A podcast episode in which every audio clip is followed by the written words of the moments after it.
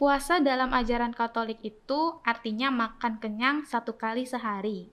Lantas, apa boleh kita makan cemilan? Nah, ini curang namanya ya.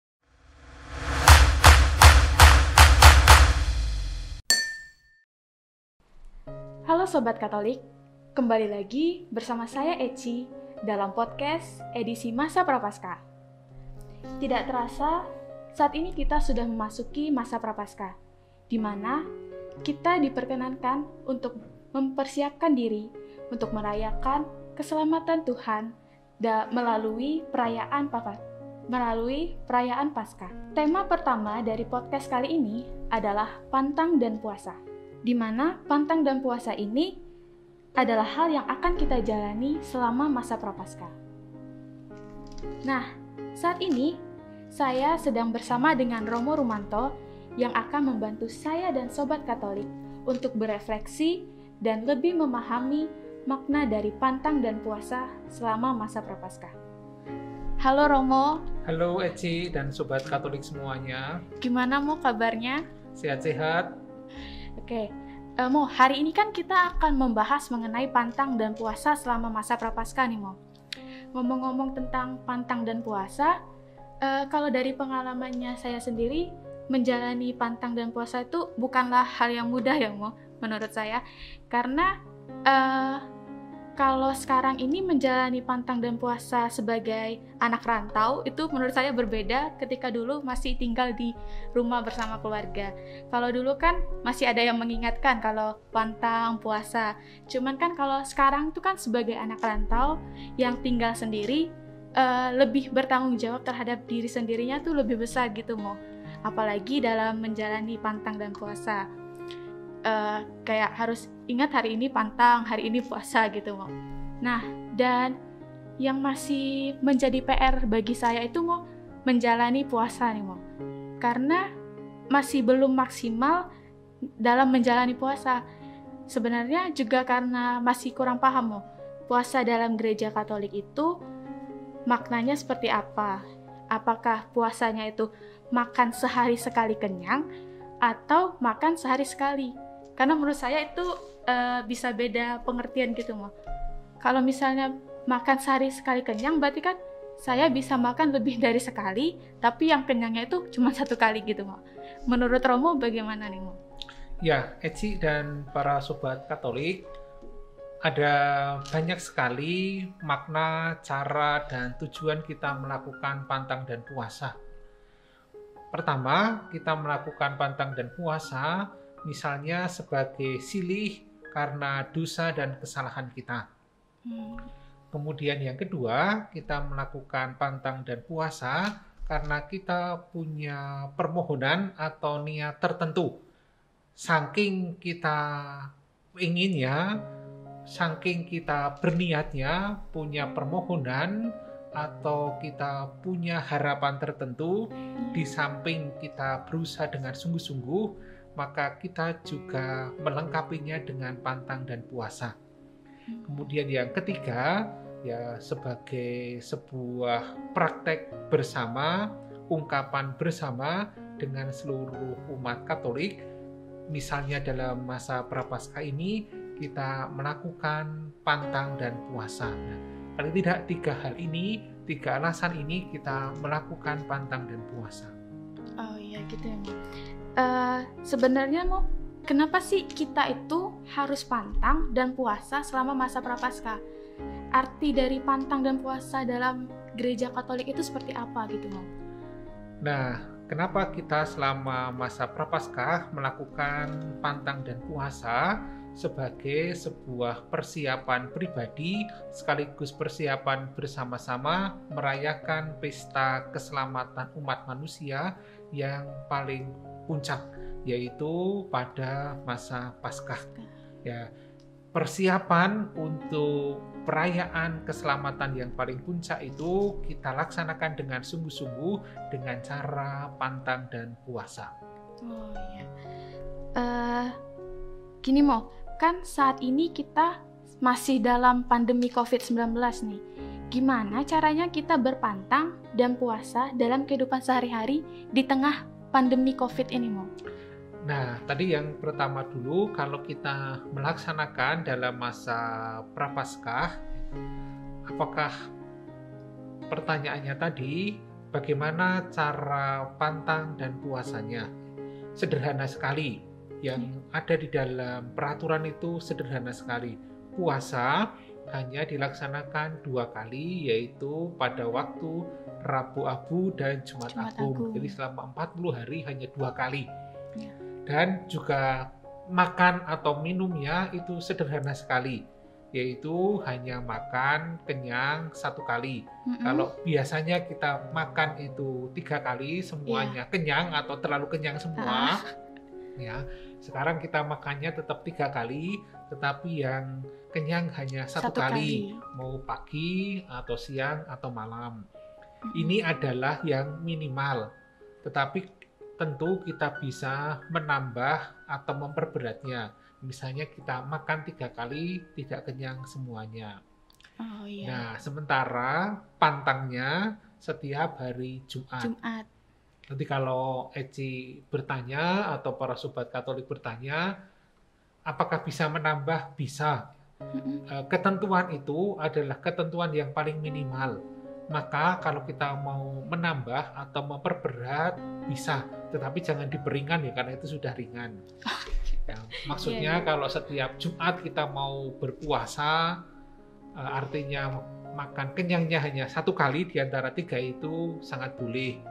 Atau selama 40 hari kita berpuasa terus, mm -hmm. jadi makan kenyangnya hanya satu kali, yang lain tidak kenyang juga boleh ya. Itu yeah. adalah niat pribadi masing-masing. Maka cara ngeceknya gampang. Nanti kalau selama 40 hari yeah. berat badan kita itu tambah tidak berkurang ya berarti mm -hmm. ini berarti tidak enggak. melaksanakan pantang dan puasa gitu ya. Berarti kalau berkurang melaksanakan nah, gitu ya, Nah, itu kan yang paling mudah. Iya. iya. Uh, Romo, tadi kan uh, saya sudah sempat menyampaikan nih pengalaman saya ketika menjalani pantang dan puasa. Kalau dari Romo sendiri nih, dalam menjalani pantang dan puasa itu uh, Romo bagaimana menjalaninya? Ya, kalau mengikuti kebiasaan bersama selama masa prapaskah, ya kita bersama-sama mengikuti apa yang terjadi di dalam masa prapaskah ya, sebagai umat Katolik ya, hukum dan peraturannya yang bersama-sama kita lakukan, kita melaksanakannya. Puasa, waktu Rabu Abu dan Jumat Agung, pantang setiap hari Jumat. Kemudian bagi saya pribadi, kalau saya punya niat, punya permohonan, yang misalnya eh, dulu waktu mau ujian, waktu mau eh, SMA maupun waktu kuliah, di samping belajar dengan sungguh-sungguh eh, menambahinya juga dengan pantang atau berpuasa ya. mengurangi makanan sebagai bukti kesungguhan saya mempersiapkan ujian dengan sungguh-sungguh hmm. seperti itu. Nah, mau ada nggak sih pengalaman yang menarik selama Romo menjalani pantang dan puasa? Ya, uh, secara khusus pada saat-saat penting, ya, misalnya saya ceritakan tadi waktu ujian, ya ujian mm-hmm. SMA maupun ujian waktu kuliah, ketika dilengkapi dengan berpantang atau berpuasa ya, dulu saya berpuasa uh, sama makan kenyangnya hanya satu mm-hmm. kali di antara tiga itu, maka fokus saya, perhatian saya konsentrasi saya untuk belajar itu jauh terbantu. Mm-hmm. Itu keuntungannya dengan melengkapi pantang dan puasa. Berarti uh, Romo mempercayai ya bahwa dengan berpantang dan puasa itu dapat membantu uh, permohonan lebih terkabul gitu ya, Mo? Ya, paling tidak niat saya dan tindakan saya lebih fokus, lebih konsentrasi. Hmm. Nah, Mo, uh, beberapa hari yang lalu kan kita membuka Q&A nih di Instagramnya Kampus Ministry. Nah, jadi sekarang ada beberapa pertanyaan dari sobat Katolik yang uh, masih bingung nih mengenai pantang dan puasa gini.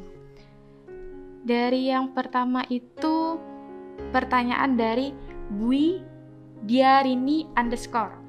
kenapa kita harus berpuasa juga ketika kita sudah berpantang atau sebaliknya? Terima kasih. Gimana nih, Mo? Uh, puasa yang ditetapkan dalam peraturan hanya dua kali Rabu Abu dan Jumat Agung sementara setiap Jumat itu hanya berpantang maka kalau saya sudah berpuasa ya sekaligus kan sudah berpantang tidak uh, melaksanakan dua-duanya oh gitu.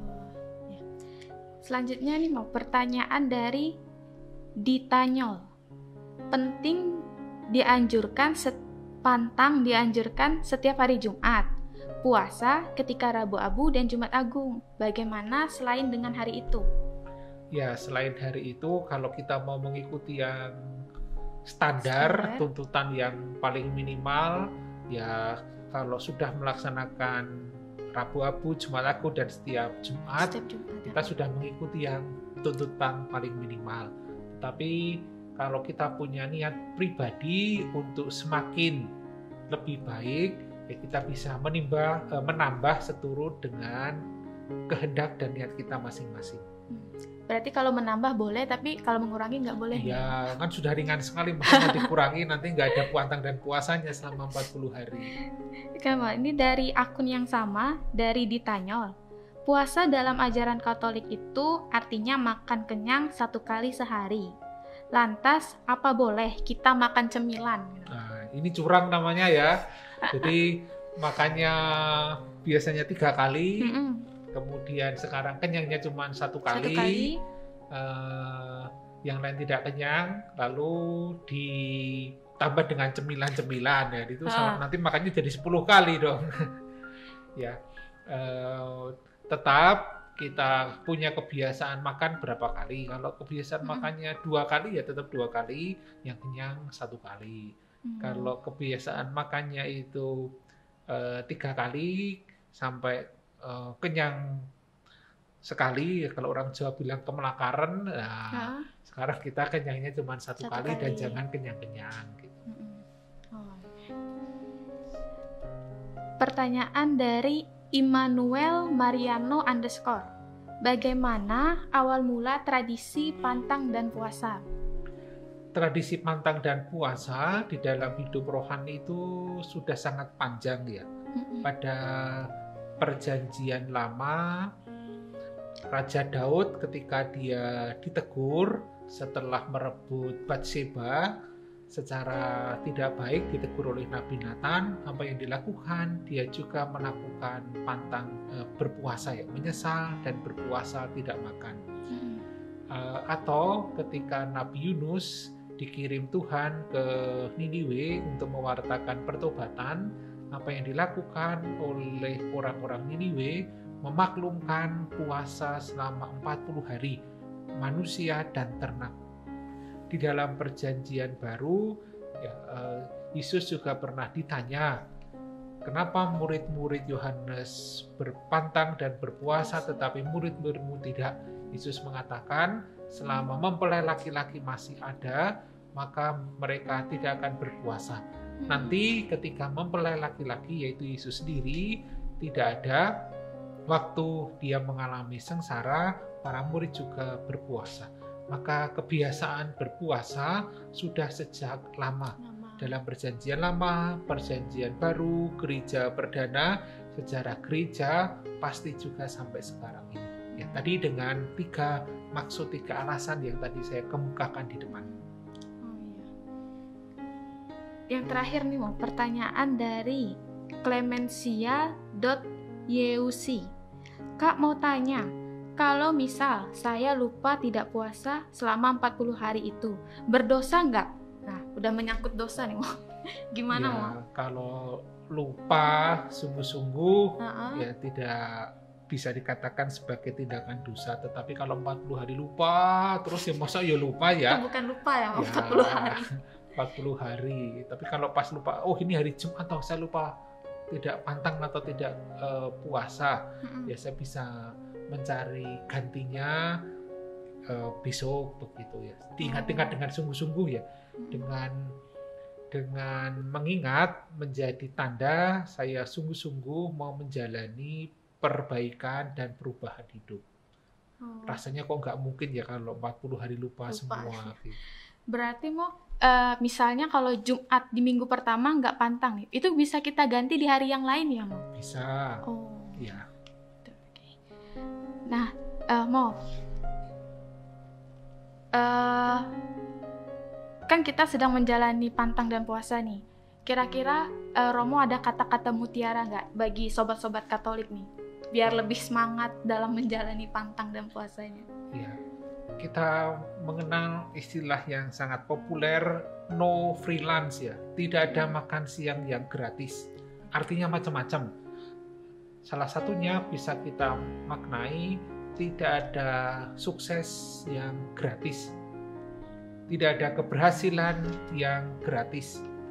Pantang dan puasa membantu kita ya selain mengatur soal makan dan minum, tapi juga mengatur hati dan pikiran kita untuk fokus, untuk konsentrasi atas apa yang sedang kita kerjakan. Karena tidak ada makan siang yang gratis, no freelance. Semua keberhasilan membutuhkan usaha, fokus, perhatian, kerja keras, kerja iya. yang cerdas, dan dengan pantang dan puasa membantu kita semua untuk memiliki kondisi pikiran yang fokus, pikiran yang penuh perhatian, eh, kerja keras, kerja cerdas sehingga kita memperoleh keberhasilan. Jadi, uh, sobat Katolik, semoga dengan uh, apa yang telah kita bicarakan, apa yang telah kita diskusikan saat ini uh, dapat membantu sobat Katolik dalam berefleksi dan lebih memahami makna dari pantang dan puasa itu sendiri, di mana kita sebagai umat beriman uh, dapat bersungguh-sungguh menjalani pantang dan puasa sebagai kesempatan yang berharga bagi diri kita pribadi untuk mempersiapkan diri merayakan puncak karya penyelamatan Tuhan dalam perayaan Agung Paskah. Nah, Romo, terima kasih atas uh, waktunya, atas sharingnya pada saat ini. Dan uh, sekian dulu Sobat Katolik, pembicaraan kita pada kali ini. Sampai ditemu di podcast selanjutnya di tema kedua, yaitu tentang pertobatan. Terima kasih. Terima kasih Eci dan para sobat Katolik. Selamat memperbarui diri dan bertumbuh selama masa prapaskah ini. Amin. Terima kasih Romo. Terima, Terima kasih, kasih sobat Katolik.